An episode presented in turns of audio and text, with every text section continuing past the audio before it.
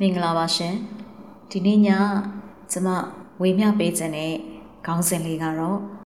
ကိုယ်မတန်ဆွမ်းမှုကိုဘယ်လိုစက်ကြောင်းပြောကြမလဲဒီခေါင်းစဉ်လေးကိုရုတ်တရက်ကြားလိုက်ရင်တော့ကျမတို့မတန်ဆွမ်းသူတွေကိုယ်တိုင်ကစက်ကြောင်းပြောဆိုတင်ဆက်မှုနေရာမှာဝင်ပြီးစဉ်းစားဖို့ဖြစ်ပါတယ်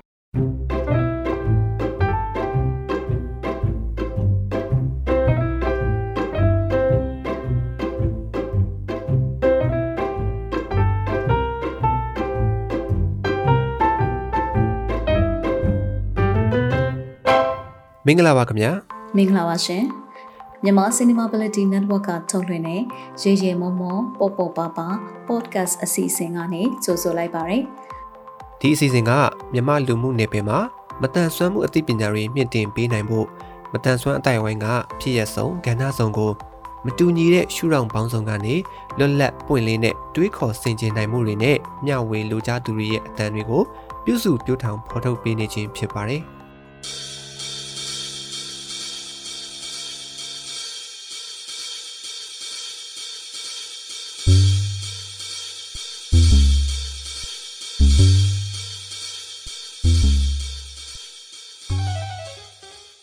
တော့ပြန်ပြီးတော့ကျမတို့ရဲ့ရည်ရွယ်ချက်ကိုအနည်းငယ်မိတ်ဆက်ပေးရမယ်ဆိုလို့ရှိရင်ကျမတို့ MC network ကရေရင်မောမောပေါပေါပါပါ podcast အစီအစဉ်ကိုပြီးခဲ့တဲ့2021ခုနှစ် November လ23ရက်နေ့ကစပြီးတော့မှထုတ်လွှင့်ခဲ့တာအခုဆိုလို့ရှိရင်တစ်နှစ်ကျော်ကာလကိုရောက်ရှိခဲ့ပြီဖြစ်ပါတယ်။ဒီတစ်နှစ်ကျော်ကာလအတွင်းမှာဆိုလို့ရှိရင်ရေရေမောမောပေါပေါပါပါရဲ့စနေည9နာရီတိုင်းလွှင့်တဲ့ program တွေက အခုထုတ်လွှင့်နေတဲ့အစီအစဉ်နဲ့ဆိုရင်အပုတ်60ရှိပြီဖြစ်ပါတယ်။တသစလူငယ်ဆိုတဲ့ခေါင်းစဉ်နဲ့ဗုဒ္ဓဟူးနေ့နနက်10:00နာရီတိုင်းထုတ်လွှင့်နေတဲ့လူငယ်ကဏ္ဍမှာတော့26ပုတ်ရှိနေပြီဖြစ်ပါတယ်။ဒါဟာရေရေမောမောပေါပေါပပရဲ့တစ်နှစ်တာခရီးအတွင်းမှာဖြတ်တန်းပြီးတော့မှဖော်ထုတ်ခဲ့တဲ့အကြောင်းအရာတွေကိုမိတ်ဆွေတို့အနေနဲ့စိတ်ပါဝင်စားရဲဆိုရင် YouTube Channel မှာတွားရောက်လေ့လာနိုင်တယ်လို့ Anchor မှာလည်း တွားရောက်ပြီးတော့နားဆင်နိုင်မှာဖြစ်ပါတယ်။ရေရေမောမောပေါပေါပပ program ကိုကျမတို့စပြီးတော့ထုတ်လွှင့်ကြတဲ့ကလည်းနားထောင်သူအဆင့်ကနေတင်ဆက်သူအဆင့်ကိုတောတာရှင်ကနေစီမံထုတ်လုပ်တဲ့သူအဆင့်ကိုရောက်ရှိဖို့အတွက်ကျမတို့ကအထူးဖိတ်ခေါ်ပူးပေါင်းခဲ့တာဖြစ်ပါတယ်။အထူးသဖြင့်မတန်ဆွမ်းအတိုင်ဝန်းမှာရှိနေတဲ့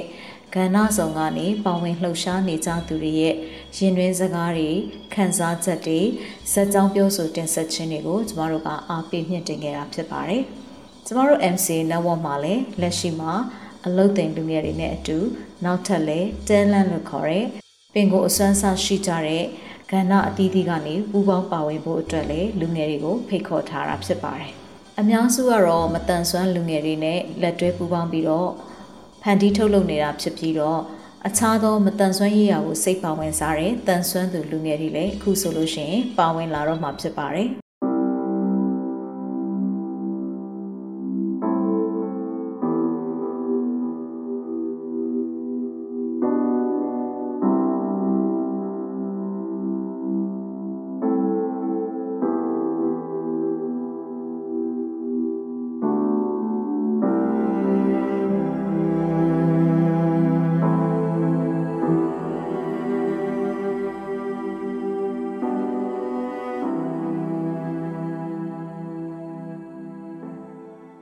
ဒီတော့ကျမတို့ကမတန်ဆွမ်းမှုနဲ့ပတ်သက်ပြီးစက်ကြောင်းတွေပြောဆိုတင်ဆက်ဖို့စဉ်းစားတဲ့အခါမှာ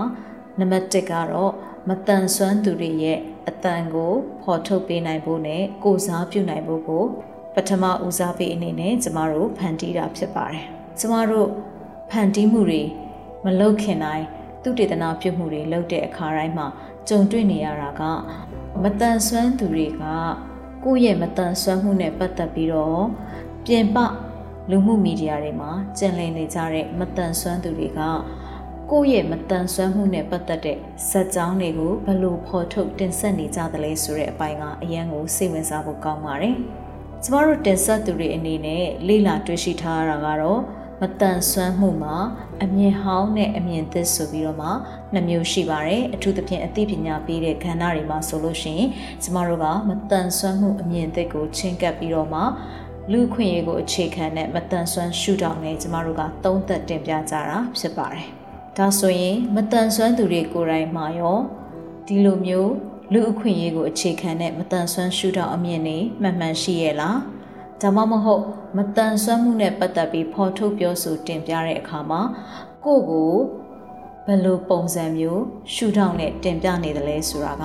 ကျမတို့ဖန်တီးသူတွေကလိုက်ပြီးတော့လေ့လာရပါတယ်။ ဒီလိုလေ့လာတဲ့အခါမှာကျမတို့ကလူမှုကွန်ရက်တွေကိုဦးစားပေးပြီးတော့မှမတန်ဆွမ်းသူတွေအများစုရှိတဲ့နေရာတွေကိုလိုက်ပြီးတော့လေ့လာခဲ့ကြရတာဖြစ်ပါတယ်။ကျမတို့ရဲ့ဖန်တီးမှုတစ်နှစ်တာအတွေ့အကြုံအရဆိုလို့ရှိရင်မတန်ဆွမ်းသူအတော်များများရဲ့ profile တွေကျမတို့ဝင်ပြီးတော့မှလေ့လာကြတယ် page တွေကိုဝင်ပြီးတော့လေ့လာကြတယ် groups တွေကိုဝင်ပြီးတော့လေ့လာကြတယ်အထူးသဖြင့် Facebook ပေါ်မှာရှိတဲ့တကူရေးအသုံးပြုတဲ့ Facebook account တွေအများနဲ့ချိတ်ဆက်ဖို့အတွက်ဖွင့်လှစ်ထားတဲ့ page တွေနဲ့မတန်ဆွမ်းသူတွေစုပေါင်းပြီးတော့မှအမြင်ဖလှယ်စကားပြောကြတဲ့ groups တွေကိုကျမတို့ဝင်ရောက်ပြီးတော့မှလေ့လာကြပါတယ်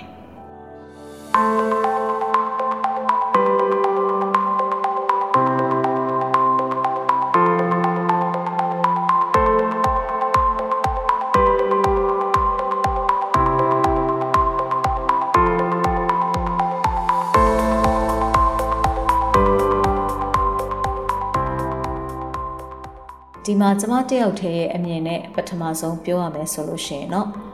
မတန်ဆွမ်းသူတွေရဲ့နေ့စဉ်တင်နေတဲ့အကြောင်းအရာတွေဟာမတန်ဆွမ်းမှုနဲ့ပတ်သက်တဲ့စက်ကြောင်းတွေကို ပြောဆိုတင်ဆက်နေတာလို့ကျမကတော့ခံယူပါတယ်။ဒါကြောင့်မို့လို့ကိုယ့်ရဲ့မတန်ဆွမ်းမှုနဲ့ပတ်သက်တဲ့စက်ကြောင်းတွေကိုဘယ်လိုဖော်ထုတ်ပြောဆိုတင်ပြနေတယ်လဲဆိုတာကို ပြန်လည်သုံးသပ်ပြီးတော့မှစဉ်းစားကြည့်ဖို့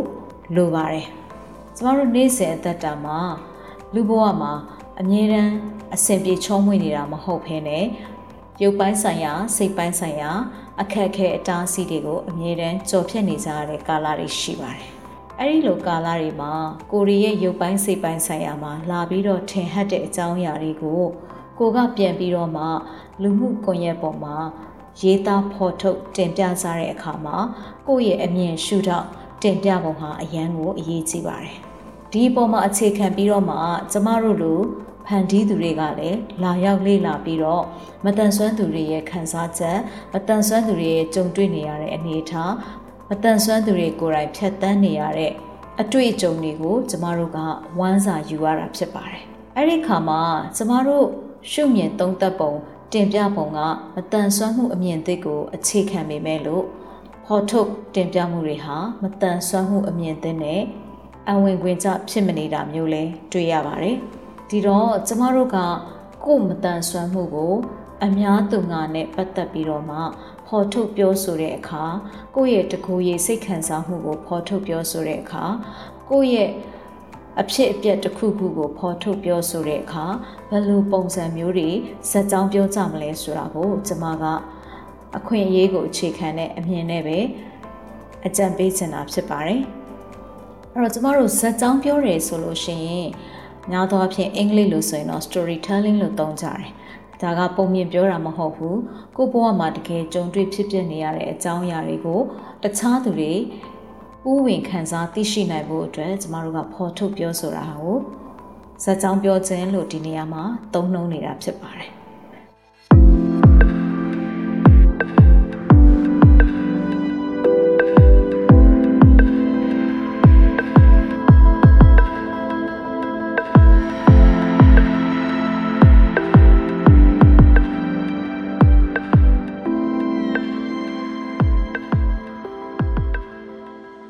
အဲ့တော့ဇက်ကြောင်းပြောခြင်းမှာအရေးကြီးတဲ့အခန်းကဏ္ဍတွေဟာဘာတွေဖြစ်နိုင်လဲလို့ကျမတို့ပြန်ပြီးစဉ်းစားမယ်ဆိုလို့ရှိရင်ကိုယ့်ရဲ့တကိုယ်ရေးခံစားချက်ကို ပြောဆိုတာမျိုးလေးရှိနိုင်တယ်။ဒါမှမဟုတ်ကိုယ့်ရဲ့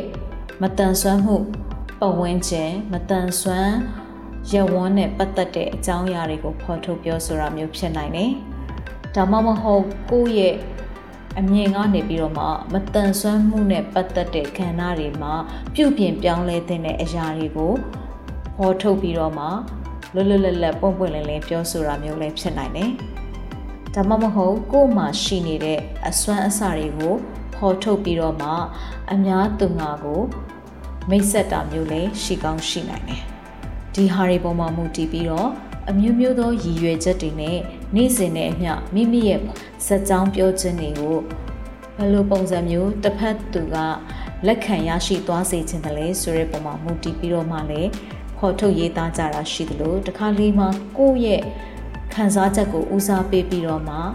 ခေါ်ထုတ်ပြောဆိုကြတာမျိုးတွေကိုလည်းတွေ့ရပါတယ်ဒီမှာတော့အဓိကကြတဲ့အပိုင်း၃ပိုင်းကိုကျွန်မအနေနဲ့ဦးစားပေးပြောပြသွားချင်တာဖြစ်ပါတယ်အဓိကတော့ကိုရီရဲ့ဖော်ထုတ်ပြောဆိုမှုမှာရည်ရွယ်ချက် ဒါမှမဟုတ်ဖော်ထုတ်ခြင်းတဲ့သတင်းစကားတိတိပပရှိရမှာဖြစ်ပါတယ်ဒါအရင်အရေးကြီးတဲ့အချက်ဖြစ်ပါတယ်ဘလို့ပဲကိုယ့်ရဲ့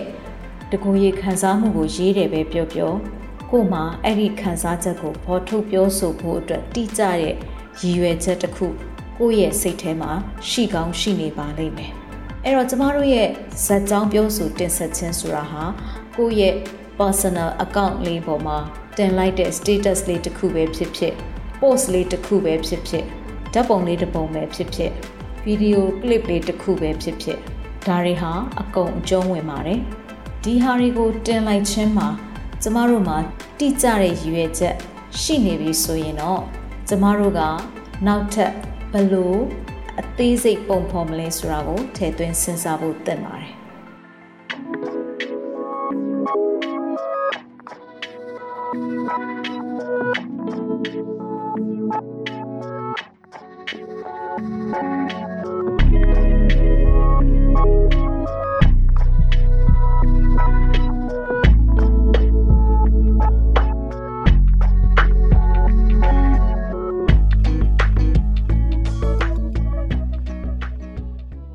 မာကိုတင်ပြလိုက်တဲ့အကြောင်းအရာတစ်ခုဟာရုပ်တရက်အများနားမလည်နိုင်တာမျိုးလားဒါဆိုလို့ရှိရင်ကျမတို့ကဒါကိုအများနားလည်နိုင်အောင်ကိုပြောချင်တဲ့အကြောင်းအရာကိုထိထိမိမိပံ့ပိုးနိုင်အောင်စာသားနဲ့ပုံဖော်မလားစကားနဲ့ပုံဖော်မလားလက်သင်္ကေတနဲ့ပုံဖော်မလားစာရန်ထိုးပြီးပုံဖော်မလားပြီးရင်အခြားသော visual effect sound effect တွေနဲ့ပေါ့နော်အဲမျက်စိပတာရဖြစ်စေမဲ့အ ထူးပြုလုပ်ချက်ကလေးတွေအတန်အားဖြင့်ပတာရဖြစ်စေမဲ့အထူးပြုလုပ်ချက်ကလေးတွေထည့်ပြီးတော့မှကျမတို့ကဖန်တီးမလားအဲ့ဒီပုံမှာမူတည်ပြီးတော့မှအသေးစိတ်ကိုတစ်ဖက်လူကကိုပြောချင်တဲ့အကြောင်းအရာကိုပေးချင်တဲ့သတင်းစကားကိုတိတိပပရသွားအောင်ကျမတို့ကအကောင်းဆုံးအသေးစိတ်ထည့်သွင်းပုံဖော်ဖို့အတွက်လိုအပ်တယ်ဆိုတာကိုလည်းကျမပြောပြချင်တာဖြစ်ပါတယ်အရေးအကြီးဆုံးနဲ့နောက်ဆုံးအချက်ကတော့ call to action လို့ခေါ်တဲ့ကျမတို့ကဒီအကြောင်းအရာကိုရေးလိုက်ခြင်းဖော်ထုတ်လိုက်ခြင်းဖန်တီးတင်ပြလိုက်ခြင်းဟာဘယ်သူဘယ်ဝါတွေကိုဘာဖြစ်စေချင်တာလဲဘာလုပ်ပေးစေချင်တာလဲဘာသိသွားစေချင်တာလဲဘာခံစားသွားစေချင်တာလဲစသဖြင့်မိမိရဲ့ရည်ရွယ်ချက်ကိုပံ့ပိုးပေးနိုင်မဲ့လှုပ်ဆောင်မှုတစ်ခုခုလိုအပ်နေကြောင်းကိုသိသာစေဖို့အတွက် ကိုကနေပြီးတော့ကန့်လှမ်းတာမျိုးတင်ပြတာမျိုးဖော်ထုတ်တာမျိုးဖြစ်ဖို့လိုပါတယ်အ ਨੇ ဆုံးတော့ like and share လိုချင်ကြတဲ့သူတွေကတခုခုကိုဖော်ထုတ်တင်ဆက်ပေးတိုင်းဒီအကြောင်းအရာလေးကိုသဘောတူရဲဆိုရင်ဒီအကြောင်းအရာလေးကိုကြိုက်နှစ်သက်တယ်ဆိုရင်ဒါမှမဟုတ်နောက်ဒီလိုအကြောင်းအရာတွေကို အမြဲတမ်းနားထောင်ခြင်းနဲ့သိခြင်းနဲ့ဖတ်ခြင်းနဲ့ဆိုရင်ကိုယ့်ရဲ့ page ကို like လုပ်ဖို့ ကိုယ့်ရဲ့ channel ကို subscribe လုပ်ဖို့ကိုယ့်ရဲ့ post ကို share ဖို့ဆိုပြီးတော့မှတောင်းဆိုကြတာလေးတွေတော်တော်များများမြင်ဘူးကြပါလိမ့်မယ်။ဒါမျိုးကို call to action လို့ဆိုလိုချင်တာဖြစ်တယ်။အဲ့တော့ကိုယ့်ရဲ့တင်ပြလိုက်တဲ့အကြောင်းအရာတစ်ခုကို like တွေ share တွေ subscribe တွေရယုံနဲ့ကိုကပြီးသွားတာမျိုးမဟုတ်ဘဲနဲ့တစုံတစ်ခု action လို့ပြောတဲ့အခြားသော social media ပေါ်မှာမဟုတ်ဘဲနဲ့သူတို့ရဲ့စိတ်ပိုင်းဆိုင်ရာရုပ်ပိုင်းဆိုင်ရာမှာတခုခု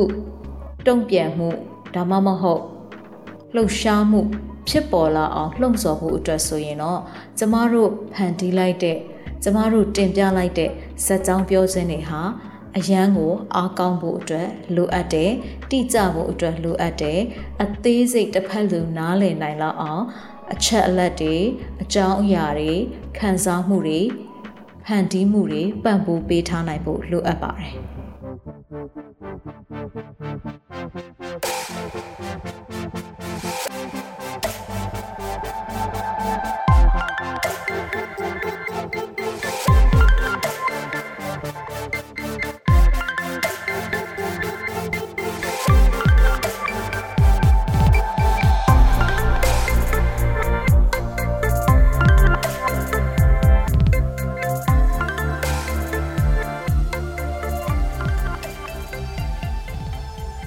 ဒါဆိုရင်တော့မိတ်ဆွေကဓာ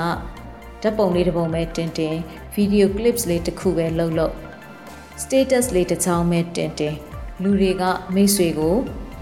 သတိထားမိမှာဖြစ်တယ်လို့မိတ်ဆွေဖြစ်စေခြင်းတဲ့အကြောင်းအရာတစ်ခုခုကို လူတွေကပူပေါင်းပါဝင်ပြီးတော့မိတ်ဆွေနဲ့တသားတည်းဖြစ်ပြီးတော့မှတုံ့ပြန်မှုတွေလှုပ်ဆောင်လာနိုင်ဖို့အတွက်အရန်အရေးကြီးတဲ့ storytelling က မိတ်ဆွေကိုကောင်းကောင်းအထောက်ပံ့ပေးနိုင်ဖို့ဆိုလို့ရှိရင်တော့မိတ်ဆွေကဒီဇက်ကြောင်းပြောခြင်းတွေကိုဘလောက်အတိုင်းတာထိအလေးအနက်ထားပြီးတော့မှလူမှုမီဒီယာပေါ်မှာအသုံးချနေလဲဆိုတဲ့ပုံမှာမူတည်ပြီးတော့စကားပြောသွားမှာဖြစ်ပါတယ်။တကယ်တော့ကျမတို့မတန်ဆွမ်းလူမှုအတိုင်းအဝန်းမှာမပြောပြခဲ့တဲ့ဇက်ကြောင်းတွေလူမသိသူမသိကွယ်ပြောက်သွားတဲ့ဇက်ကြောင်းတွေဖော်ထုတ်ခွင့်မရခဲ့တဲ့ဇက်ကြောင်းတွေအများကြီးရှိနေပါသေးတယ်။ ဒါတွေကိုမိတ်ဆွေတို့ကဖော်ထုတ်တင်ပြတတ်ဖို့ဆိုလို့ရှိရင်ကျမဆောစောရပြောခဲ့တဲ့ဇက်ကြောင်းပြောနေအချက်၃ချက်ကိုကောင်းကောင်းအသုံးချတတ်ဖို့လိုပါတယ်။ဒါမှမဟုတ်ရည်ရွယ်ချက်မရှိဘဲနဲ့ဒီတိုင်းပဲအပျော်သဘောတက်တက်ပဲဖြစ်စေအာစမ်းသက်ကြည့်ကျင်တဲ့သဘောနဲ့ပဲဖြစ်စေကိုတင်ကျင်တာတင်မယ်ဆိုတဲ့ခံစားချက်မျိုးခံယူချက်မျိုးနဲ့ပဲဖြစ်စေမိတ်ဆွေကစက်ကြောင်းပြောခြင်းတွေကို ဒီတိုင်းလဲလွတ်လပ်စွာလုပ်နေခွင့်ရှိပါတယ်။ဒါပေမဲ့မိတ်ဆွေရဲ့ဘဝကိုစက်ကြောင်းပြောခြင်းတွေက လာရောက်ပြီးတော့မှထင်ဟပ်စေမဲ့အကျိုးကျေးဇူးတွေလိုချင်နေဆိုရင်တော့ဒီစက်ကြောင်းပြောဆိုတင်ဆက်ခြင်းတွေကိုမိတ်ဆွေအနေနဲ့ဂရုတစိုက်ထားဖို့လိုအပ်တာဖြစ်ပါတယ်။ဥပမာမိတ်ဆွေကမိမိရဲ့မတန်ဆွမ်းမှုနဲ့ပတ်သက်ပြီးတော့မှမိမိကိုတနာစေချင်တာလားလေးစားအားကြစေချင်တာလားမိမိရဲ့အစွမ်းအစကိုအတိမတ်ပြုစေချင်တာလား ဒါမှမဟုတ်မိမိရဲ့ဒုက္ခအခက်အခဲကိုကူညီဖြေရှင်းစေချင်တာလားဒီအကြောင်းအရာတွေပေါ်မှာမူတည်ပြီးတော့မှမိတ်ဆွေရဲ့လူမှုမီဒီယာပေါ်မှာတင်လိုက်တဲ့ဖန်တီးမှုတွေကမိတ်ဆွေကို ပြန်ပြီးတော့မှအကျိုးတက်ရောက်စေမှာဖြစ်ပါတယ်ဒီလိုပြောတဲ့အခါမှာကျမတို့လိုဝမ်းစာလိုက်ရှာနေရတဲ့ဖန်တီးသူတွေဘက်ကလည်းမတန်ဆွမ်းသူတွေရဲ့စက်ကြောင်းပြောဆိုတင်ဆက်ခြင်းတွေကိုလိုက်ပြီးတော့မှ အတူယူပုံဖော်ဖို့အတွက်ဆိုရင်လေဒီစက်ကြောင်းပြောဆိုတင်ဆက်ခြင်းအချက်၃ချက်ကမဖြစ်မနေတိုင်းထွာရတဲ့ပေတံသဘောပါပဲဒီအချက်၃ချက်နဲ့ကိုက်ညီတဲ့သူတွေဒီအချက်၃ချက်နဲ့ဖော်ထုတ်ဖို့အတွက်တင့်တော်တဲ့သူတွေကိုကျမတို့ကလည်းလိုက်လံရှာဖွေနေရတာဖြစ်ပါတယ်ကျမတို့ MC network မှာဆိုရင်အာ internet line တွေနဲ့အဆင်ပြေတဲ့ကာလတွေဆိုရင်ကျမတို့ live interview တွေစနေညတနင်္ဂနွေညတွေမှာလုပ်ကြတယ်။ ကျမတို့ကိုယ်တိုင်ကလည်း experience sharing လို့ခေါ်တယ်။ကျမတို့ဆယ်စုနှစ်တခုကျော်ဖြတ်တန်းခဲ့ရတဲ့အတွေ့အကြုံတွေကိုပြန်လည်ဝေမျှပေးတာမျိုးတွေရှိတယ်။မတန်ဆွမ်းအတိုက်အဝန်းမှာပုံမကောင်းမွန်တဲ့ပြုပြင်ပြောင်းလဲမှုတွေပေါ်ပေါက်လာဖို့အတွက်ကျမတို့တွေကနေပြီးတော့မှကိုတိနားလေတဲ့ဘက်ကနေပြီးတော့မှဗဟုသုတကြွယ်ဝစေမယ့်အကြောင်းအရာတွေလက်တွဲပူးပေါင်းဆောင်ရွက်နိုင်တဲ့အခွင့်အလမ်းတွေပုံမပြီးတော့မှဖွံ့ဖြိုးတိုးတက်လာဖို့အတွက် နီလန်းကောင်းတွေကိုကျမတို့ကလည်းတက်နိုင်သလောက်ဝေမျှပေးနေတာဖြစ်ပါတယ်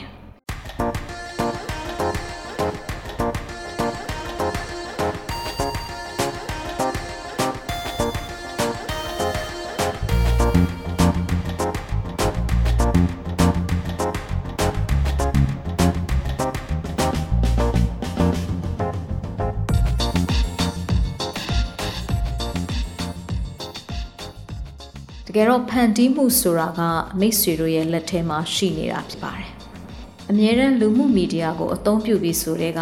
ကိုနဲ့နီးစပ်တဲ့တငယ်ချင်းဖြစ်နေတဲ့သူတွေကိုဝေမျှပေးချင်တာရှိမယ်။ကိုနဲ့မနီးစပ်တဲ့အများပြည်သူကိုဝေမျှပေးချင်တာရှိမယ်။မတန်ဆွမ်းမှုနဲ့ပတ်သက်ပြီးတော့မှသတင်းအချက်လက်ကောင်းတွေရလာနိုင်ဖို့အတွက်လည်းကိုယ့်ရဲ့ဖန်တီးမှုတွေကအထောက်ပံ့ဖြစ်ကောင်းဖြစ်မယ်။ ဒါမှမဟုတ်မတန်ဆွမ်းအတိုင်ဝန်အတွက်ကိုဟာ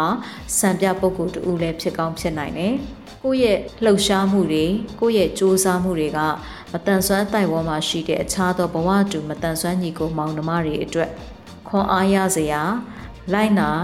ကြင်ကြံစရာအကြောင်းတွေလည်းဖြစ်ကောင်းဖြစ်နိုင်တယ်။ဒါကြောင့်မလို့မိတ်ဆွေရဲ့ဖန်တီးမှုဟာမိတ်ဆွေအတွက်တည်းမကဘဲနဲ့မတန်ဆွမ်းလူမှုအတိုင်ဝန်အတွက်အရန်အရေးပါတယ်လို့ကျွန်မဆိုလိုချင်တာဖြစ်ပါတယ်။ ဒါမဲ့ဒီကာလမှာကျမတို့ကိုယ်တိုင်မဖော်ထုတ်ပေမဲ့လည်းအယုတ်အတန်မီဒီယာတွေအားဖြင့်တခြားသောဖော်ထုတ်မှုတွေမှာလည်းမတန်ဆွမ်းသူတွေနဲ့ပတ်သက်တဲ့အကြောင်းအရာတွေပေါ်လာတတ်ပါတယ်အဲ့ဒီလိုပေါ်လာတဲ့အခါမှာကိုယ့်ရဲ့ဖော်ထုတ်မှုဟာဘယ်လိုပုံစံမျိုးအများပြည်သူကလက်ခံတယ်လဲအများပြည်သူကလက်ခံတိုင်းရောကိုယ့်ရဲ့ဖော်ထုတ်မှုဟာမှန်ကန်တဲ့တော်တဲ့ဖော်ထုတ်မှုမျိုးလား ဒါတွေကိုကိုကပြန်လဲစဉ်းစားသုံးသပ်ဖို့လိုအပ်ပါတယ်ဥပမာတစ်ခါတလေမှာမတန်ဆွမ်းသူကိုယ်တိုင်ကဖော်ထုတ်ခြင်းမဟုတ်ဘဲနဲ့ကိုယ့်ရဲ့မတန်ဆွမ်းမှုနဲ့ပတ်သက်ပြီးတော့မှအငှားယူသုံးဆွဲပြီးတော့ဖော်ထုတ်ကြတဲ့တခြားသောဖန်တီးသူများလည်းရှိပါတယ်။အဲ့တော့ကိုယ်တိုင်ပဲဖော်ထုတ်သည်ဖြစ်စေတခြားသူကအငှားယူပြီးတော့မှခံစားဖော်ထုတ်သည်ပဲဖြစ်စေအဲ့ဒီအကြောင်းအရာတွေမှာ တကယ်ပဲကိုရီရဲ့ခံစားချက်နဲ့ကိုက်ညီတဲ့အကြောင်းအရာဖြစ်ရဲ့လားကိုရီရဲ့လှုပ်ရှားရုန်းကန်နေရတဲ့ဘဝနဲ့တကယ်ကိုက်ညီတဲ့အရာဖြစ်ရဲ့လားကိုရီရဲ့သဘောထားအမြင်ခံစားချက်ကိုကိုစားပြုတဲ့အရာဖြစ်ရဲ့လားဒါတွေဟာလည်းအရန်အရေးကြီးပါတယ်ကိုကိုယ်တိုင်ဖော်ထုတ်ထားခြင်းမဟုတ်တော့လည်းပဲမိမိရဲ့မတန်ဆွမ်းမှုအမျိုးအစားအဖြစ်တော့၎င်းဒါမှမဟုတ်မိမိရဲ့ဖြတ်တန်းနေရတဲ့ဘဝအနေအထားနဲ့နှိစက်ခြင်းအဖြစ်တော့၎င်း အများကိုကိုစားပြုထားတဲ့ဖန်တီးမှုတွေမှာလည်းလာပြီးတော့ဘလို့ပုံစံမျိုးသဘောထားတက်ရောက်သွားစေတယ်လဲဘလို့ပုံစံမျိုးအမြင်တွေပြောင်းလဲသွားစေတယ်လဲဘလို့ပုံစံမျိုးထိခိုက်စေတယ်လဲဆိုတာကိုလည်းကိုကစင်ကျင်သုံးသပ်တတ်ဖို့လိုပါတယ်တကယ်တော့ကိုယ့်ရဲ့ဖန်တီးမှုဆိုတာကိုနေ့စဉ်စားသုံးနေတဲ့မီဒီယာအမျိုးမျိုးရဲ့လွှမ်းမိုးမှုကလည်းအများကြီးအကျုံးဝင်ပါတယ်ကိုကဘလို့မီဒီယာမျိုးတွေကိုနှစ်သက်နေတယ်လဲဘလို့မီဒီယာမျိုးတွေကိုကိုကစားသုံးနေတယ်လဲ ပြီးရင်ဘလို့မျိုးဖော်ထုတ်ပြောဆိုမှုတွေကိုကိုကအားကြအတူယူနေတယ်လဲအဲ့ဒီပုံမှာမူတည်ပြီးတော့မှကိုယ့်ရဲ့ဖော်ထုတ်လာတဲ့အကြောင်းအရာဖော်ထုတ်လိုက်တဲ့ကိုယ့်ရဲ့ဇာတ်ကြောင်းပြောဆိုတင်ဆက်မှုတွေဒီအကြောင်းအရာတွေကဘာနဲ့သွားပြီးတော့နှီးဆက်လဲဆိုရင်ကိုယ့်ကိုလွှမ်းမိုးနေတဲ့မီဒီယာတွေကိုယ့်အကြိုက်တွေကိုယ့်ရဲ့အမြင်အနေနဲ့သွားပြီးတော့မှထင်ဟပ်နေတာရှိတတ်ပါတယ်။တ ကယ်လို့ကိုကမတန်ဆွမ်းမှုအမြင်သစ်ကိုမသိထားဘူးဆိုရင်ကိုယ့်ရဲ့ဖော်ထုတ်တင်ဆက်မှုတွေကိုယ့်ရဲ့အလေးအလာတွေကိုယ့်ကိုလွှမ်းမိုးနေတဲ့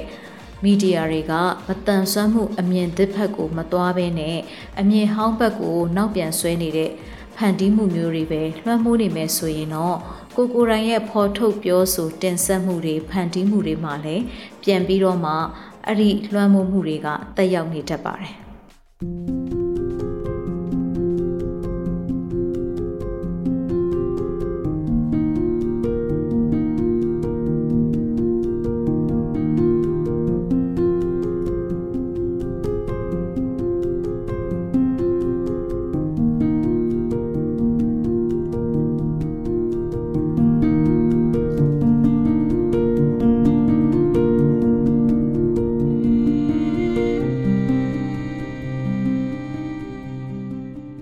ဆိုလိုချင်တာကတော့ကိုကိုရိုင်းကမတန်ဆွမ်းမှုအမြင်သက်မရှိသေးဘူးဆိုရင် ရှာဖွေလေ့လာဖို့တင့်တယ်လို့ကျွန်မကအကြံပေးချင်တာဖြစ်ပါတယ်။တကယ်လို့မတန်ဆွမ်းမှုအမြင်သက်ကိုမသိထားဘူးဆိုရင်မိတ်ဆွေရဲ့ဖန်တီးပြောဆိုမှုတွေဖော်ထုတ်တင်ပြမှုတွေဟာ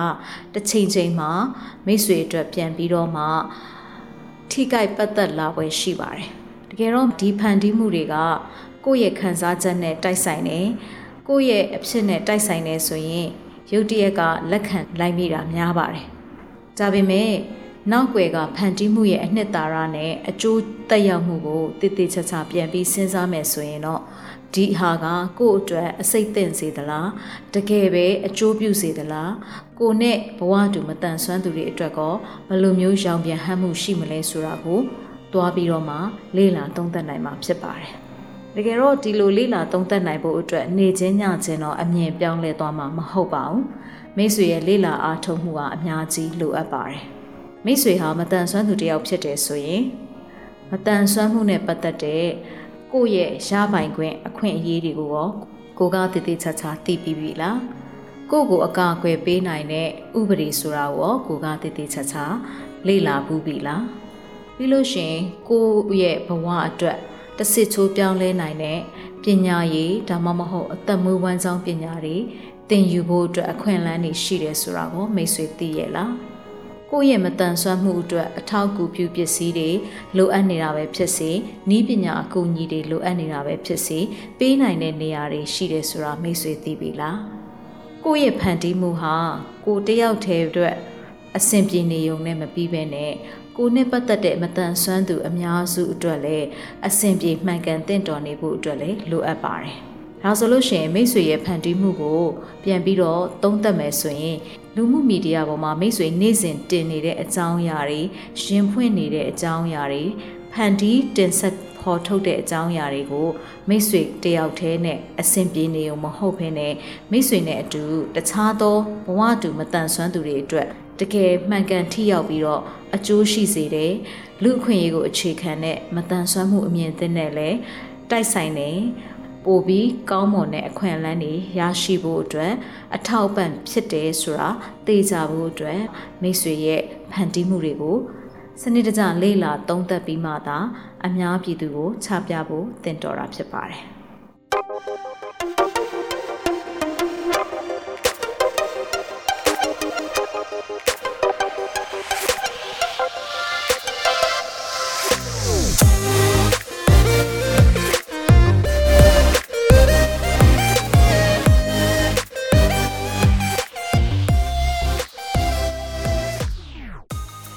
ဒါနဲ့ပတ်သက်ပြီးတော့မှအတွေ့အကြုံလေးတစ်ခုကိုပြောပြချင်ပါတယ်။ကျမတို့ရဲ့ဖန်တီးမှုတွေတွေမကဘဲနဲ့ကျမတို့ကိုမီဒီယာတွေကဘယ်လိုပုံဖော်နေသလဲဆိုတာလည်းအရန်အရေးကြီးတဲ့အချက်ဖြစ်ပါတယ်။အခုခေတ်မှာတော်တော်များများကခက်ခဲကြက်တဲကြတဲ့ကာလကိုကြော်ဖြတ်နေရတာဖြစ်တယ်။အဲ့တော့ဒီကာလမှာ တွားပြီးတော့မှကျမတို့သတိထားမိတဲ့အကြောင်းအရာကတော့အထူးသဖြင့်ငွေရေးကြေးရေးနဲ့ပတ်သက်ပြီးတော့မှမတန်ဆွမ်းသူတွေတော်တော်များများကခက်ခဲကြက်တဲကြတဲ့အခါမှာကူညီထောက်မခြင်းတွေကိုလက်ခံရရှိကြတယ်။အဲ့တော့ဒီလိုမီဒီယာတွေနဲ့ထိတွေ့လာပါများတဲ့အခါမှာမတန်ဆွမ်းသူတွေအားလုံးကိုဘယ်လိုမြင်လာနိုင်လဲဆိုရင်ငွေကြေးထောက်ပံ့ခြင်းအပြင်သူတို့ရဲ့အခက်အခဲတွေ ပြေပြောက်သွားနိုင်တယ်လက်တလုံးအခက်အခဲတွေပြေလည်သွားနိုင်တယ်ဆိုတော့ကာလတူကူညီမှုကိုပဲလူတွေကအာယုံရောက်သွားတတ်ပါတယ်တကယ်တမ်းကျတော့ငွေကြေးဆိုတာကအချိန်အတိုင်းတာတစ်ခုအထိပဲမတန်ဆွမ်းသူတွေကိုကူညီနိုင်တာဖြစ်ပါတယ်။ဘာလို့လဲဆိုတော့ငွေကြေးကိုစီမံခန့်ခွဲတတ်တဲ့ပညာမရှိရင်ငွေကြေးကိုစနစ်တကျသုံးစွဲပြီးတော့မှတိုးပွားအောင်လုပ်နိုင်တဲ့နီလန်းမသိဘူးဆိုရင်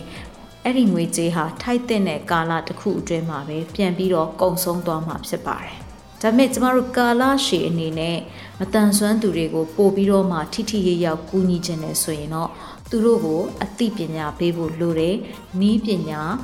တက်ကြွအောင်ပြုလုပ်ပေးဖို့လိုအပ်ပါတယ်။အသက်မွေးဝမ်းကြောင်းလုပ်ငန်းတွေပို့ပြီးတော့မှတိုးချဲ့လာနိုင်အောင်ကျမတို့လက်တွဲခေါ်ပေးလို့ရပါတယ်။အဲ့တော့ကာလရှည်သွားဖို့အတွက်တော်တော်များများကတွန့်ဆုတ်တတ်ကြတယ်။ ဘာလို့လဲဆိုရင်ရေတိုးမှာအဆင်ပြေသွားတာကိုပဲလူတွေက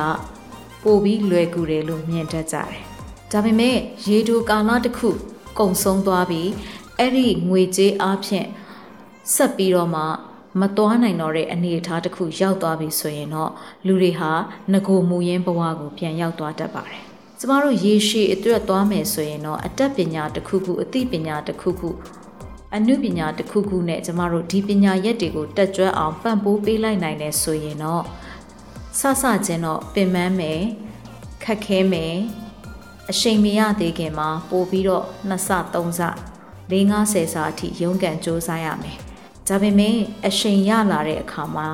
wheelchair လေးပင်တွန်းတယ်လို့ပဲပေါ့နော်။ဆဆချင်းတွန်းတော့ကတော့အားဆိုင်ရတယ်။ခန္ဓာကိုယ်ကလည်းအားဆိုင်ရတယ်လက်ကလည်းအားဆိုင်ရတယ်။ရွေးဖို့အတွက်လည်း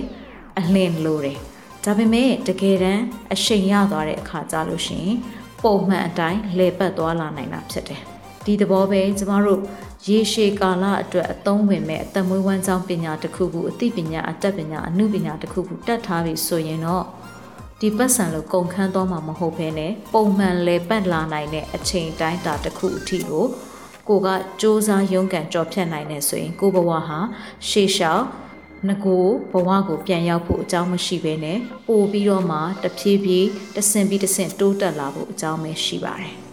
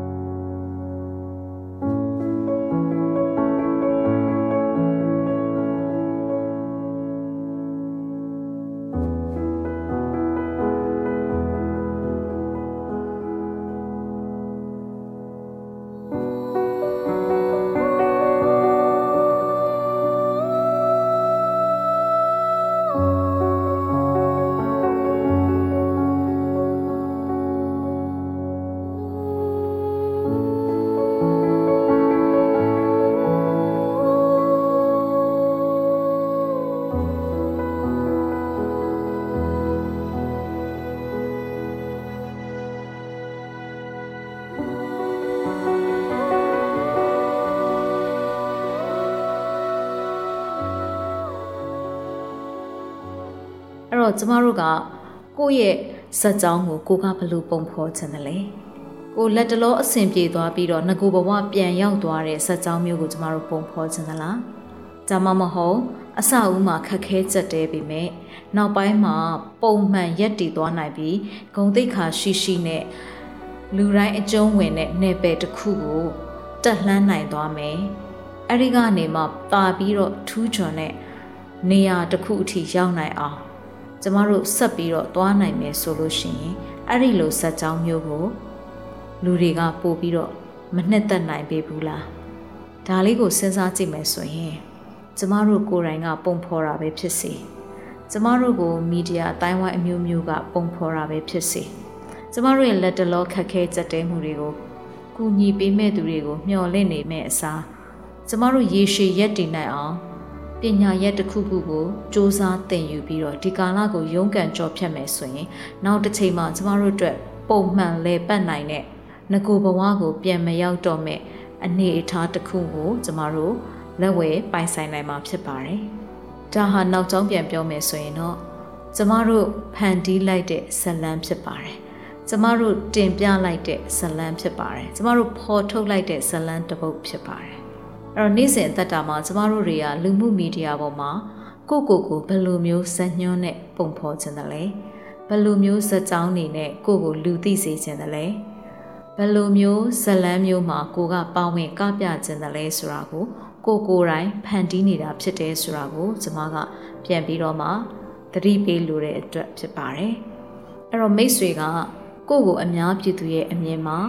ဘယ်လိုပုံစံမျိုးစက်ကြောင်းမျိုးနဲ့မြင်စေခြင်းတလဲဘယ်လိုပုံစံမျိုးမိတ်ဆွေကရောစက်ကြောင်းတွေကိုဖန်တီးမှလဲအဲ့ဒီဟာကမိတ်ဆွေတယောက်တည်းရင်မကပဲမတန်ဆွမ်းလူမှုအတိုင်းအဝန်အတွက်ဘယ်လိုပုံစံမျိုးအကျိုးရှိသွားနိုင်တယ်လဲဆိုတာကိုကျမတို့ကစဉ်းစားတွေးခေါ်တတ်ဖို့လိုအပ်ပါတယ်။ကဲလို့မိတ်ဆွေကမတန်ဆွမ်းသူတယောက်ဖြစ်ပြီးတော့မတန်ဆွမ်းမှုနဲ့ပတ်သက်တဲ့ ဥပဒေရေးရာတွေမသိသေးဘူးမတန်ဆွမ်းမှုနဲ့ပတ်သက်တဲ့အခွင့်အလမ်းတွေမသိသေးဘူးမတန်ဆွမ်းမှုနဲ့ပတ်သက်တဲ့ရပိုင်ခွင့်တွေမသိသေးဘူးမတန်ဆွမ်းမှုနဲ့ပတ်သက်တဲ့သင်ကြားလို့ရနိုင်တဲ့ပညာရက်တွေကိုမသိသေးဘူးဆိုလို့ရှိရင်လေ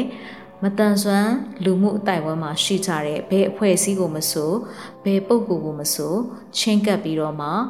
အကူအညီတောင်းလို့ရပါတယ်။ အင်တာနက်မှာလည်း Google မှာတွားရောက်ရှာဖွေပြီးတော့မှကိုနဲ့သက်ဆိုင်တဲ့အကြောင်းအရာတွေကိုနားလည်အောင် လေ့လာလို့ရပါတယ်။ဒါဆိုရင်မိတ်ဆွေရဲ့နေ့စဉ်လူမှုမီဒီယာပေါ်မှာကိုကိုကိုဖော်ထုတ်တင်ဆက်နေမှုတွေကိုယ့်ရဲ့ခံစားချက်ကို ဖွင့်ဟနေမှုတွေဒီဟာတွေပေါ်မှာမိတ်ဆွေရဲ့စက်ကြောင်းပြောဆိုတင်ဆက်ခြင်းပုံစံတွေဟာပြောင်းလဲသွားမယ်လို့ကျွန်မယုံကြည်တယ်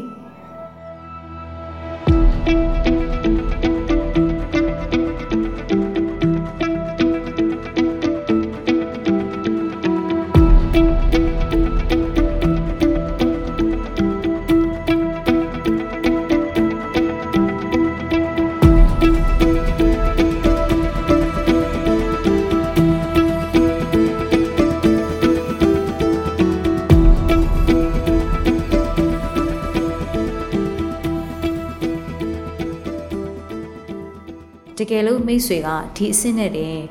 မကျေနပ်နိုင်သေးဘူးအများပြည်သူဟိုမိတ်ဆွေရဲ့ခံစားချက်တွေမိတ်ဆွေရဲ့သိထားတဲ့အကြောင်းအရာတွေကိုဝေမျှပေးခြင်းနဲ့ဆိုရင်လေကျမတို့ MCA network မှာမိတ်ဆွေက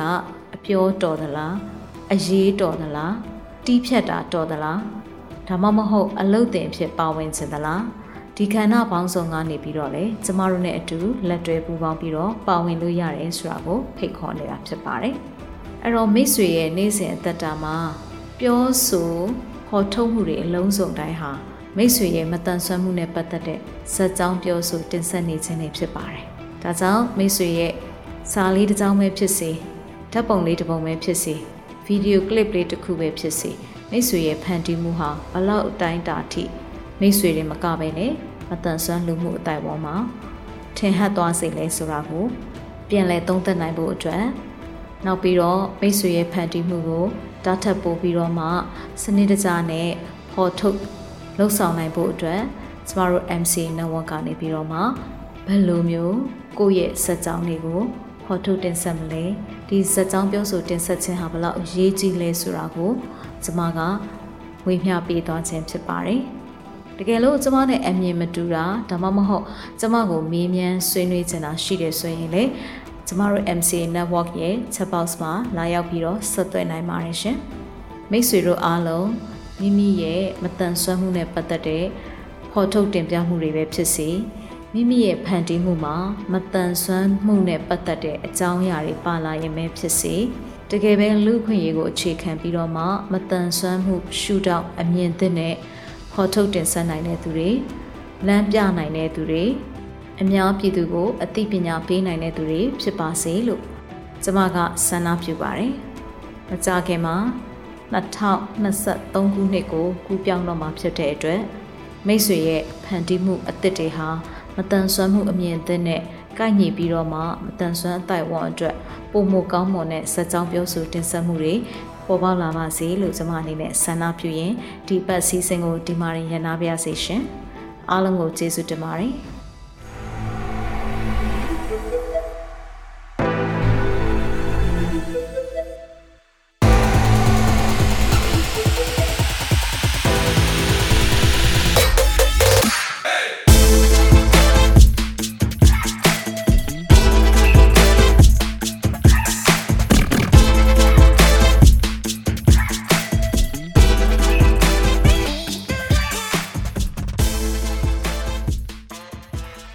စီအစဉ်ကိုမိတ်ဆွေတို့အနေနဲ့အစအဆုံးနားထောင်ပြီးပြီဆိုရင်တော့မိမိတို့ရဲ့သဘောထားမှတ်ချက်များကို Anchor မှာအတန်နဲ့စာနှမျိုးလုံးနဲ့ဖြစ်စေ Facebook မှာစာနဲ့ဓာတ်ပုံနှမျိုးလုံးနဲ့ဖြစ်စေပေးနိုင်ပါပြီနော်ဒီအစီအစဉ်နဲ့ပတ်သက်ပြီးမိတ်ဆွေတို့ရဲ့မှတ်ချက်ပေးခြင်းအကြံဉာဏ်ပေးခြင်းမေးမြန်းခြင်းတို့ကိုလည်းအထူးပဲဖိတ်ခေါ်ပါတယ်မိမိတို့ရဲ့ပူပေါင်းတင်ဆက်မှုအတွက်ဒါမှမဟုတ်စုံစမ်းမေးမြန်းမှုအတွက်စိတ်ဝင်စားတယ်ဆိုရင်တော့ မြန်မာ cinemaability@gmail.com ဒါမှမဟုတ်တင်ဆက်သူများရဲ့ Viber နံပါတ်များဖြစ်တဲ့ကိုပြည့်39 26 125 6493နဲ့မနွေ39 453939 6935တို့ကိုဆက်သွယ်ဆောင်ရွက်နိုင်ပါတယ်။ မိတ်ဆွေတို့အနေနဲ့ဒီစီစဉ်ကိုမတိသေးသူများတည်ဖို့လိုအပ်နေသူများအတန်ဆွမ်းအရေးကိုမိမိတို့ရဲ့လုပ်ငန်းခွင်အသီးသီးမှာထည့်သွင်းဆောင်ရွက်ဖို့စိတ်ဝင်စားသူညီသူကိုမဆိုထပ်ဆင့်ဝေမျှပေးရေးသတင်းကောင်းပေးနိုင်ပါတယ်မြန်မာပြည်သူပြည်သားများအားလုံးမတန်ဆွမ်းမှုအသိပညာတွေတိုးပွားကခွဲခြားဆက်ဆံမှုကင်းပြီးအားလုံးအကျုံးဝင်တဲ့လူမှုအတိုင်းအဝန်တစ်ခုကိုအမြန်ဆုံးဖော်ဆောင်နိုင်ပါစေလို့ဆန္ဒပြုရင်းဒီကနေ့အစီအစဉ်ကိုဒီမှာရင်ရန်နာပါရစေ။ တောတာရှင်အားလုံးနေ့ရက်အသက်တိုင်းမှာကောင်းစည်းမင်္ဂလာပေါင်းများစွာရယူပိုင်ဆိုင်နိုင်ပါစေလို့လည်းကျွန်မကဆုတောင်းမြတ်တာပို့တာအပ်ပါတယ်။။နောက်ပတ်စနေနေ့ည9:00နာရီမှာပြန်ဆောင်ကြရအောင်နော်။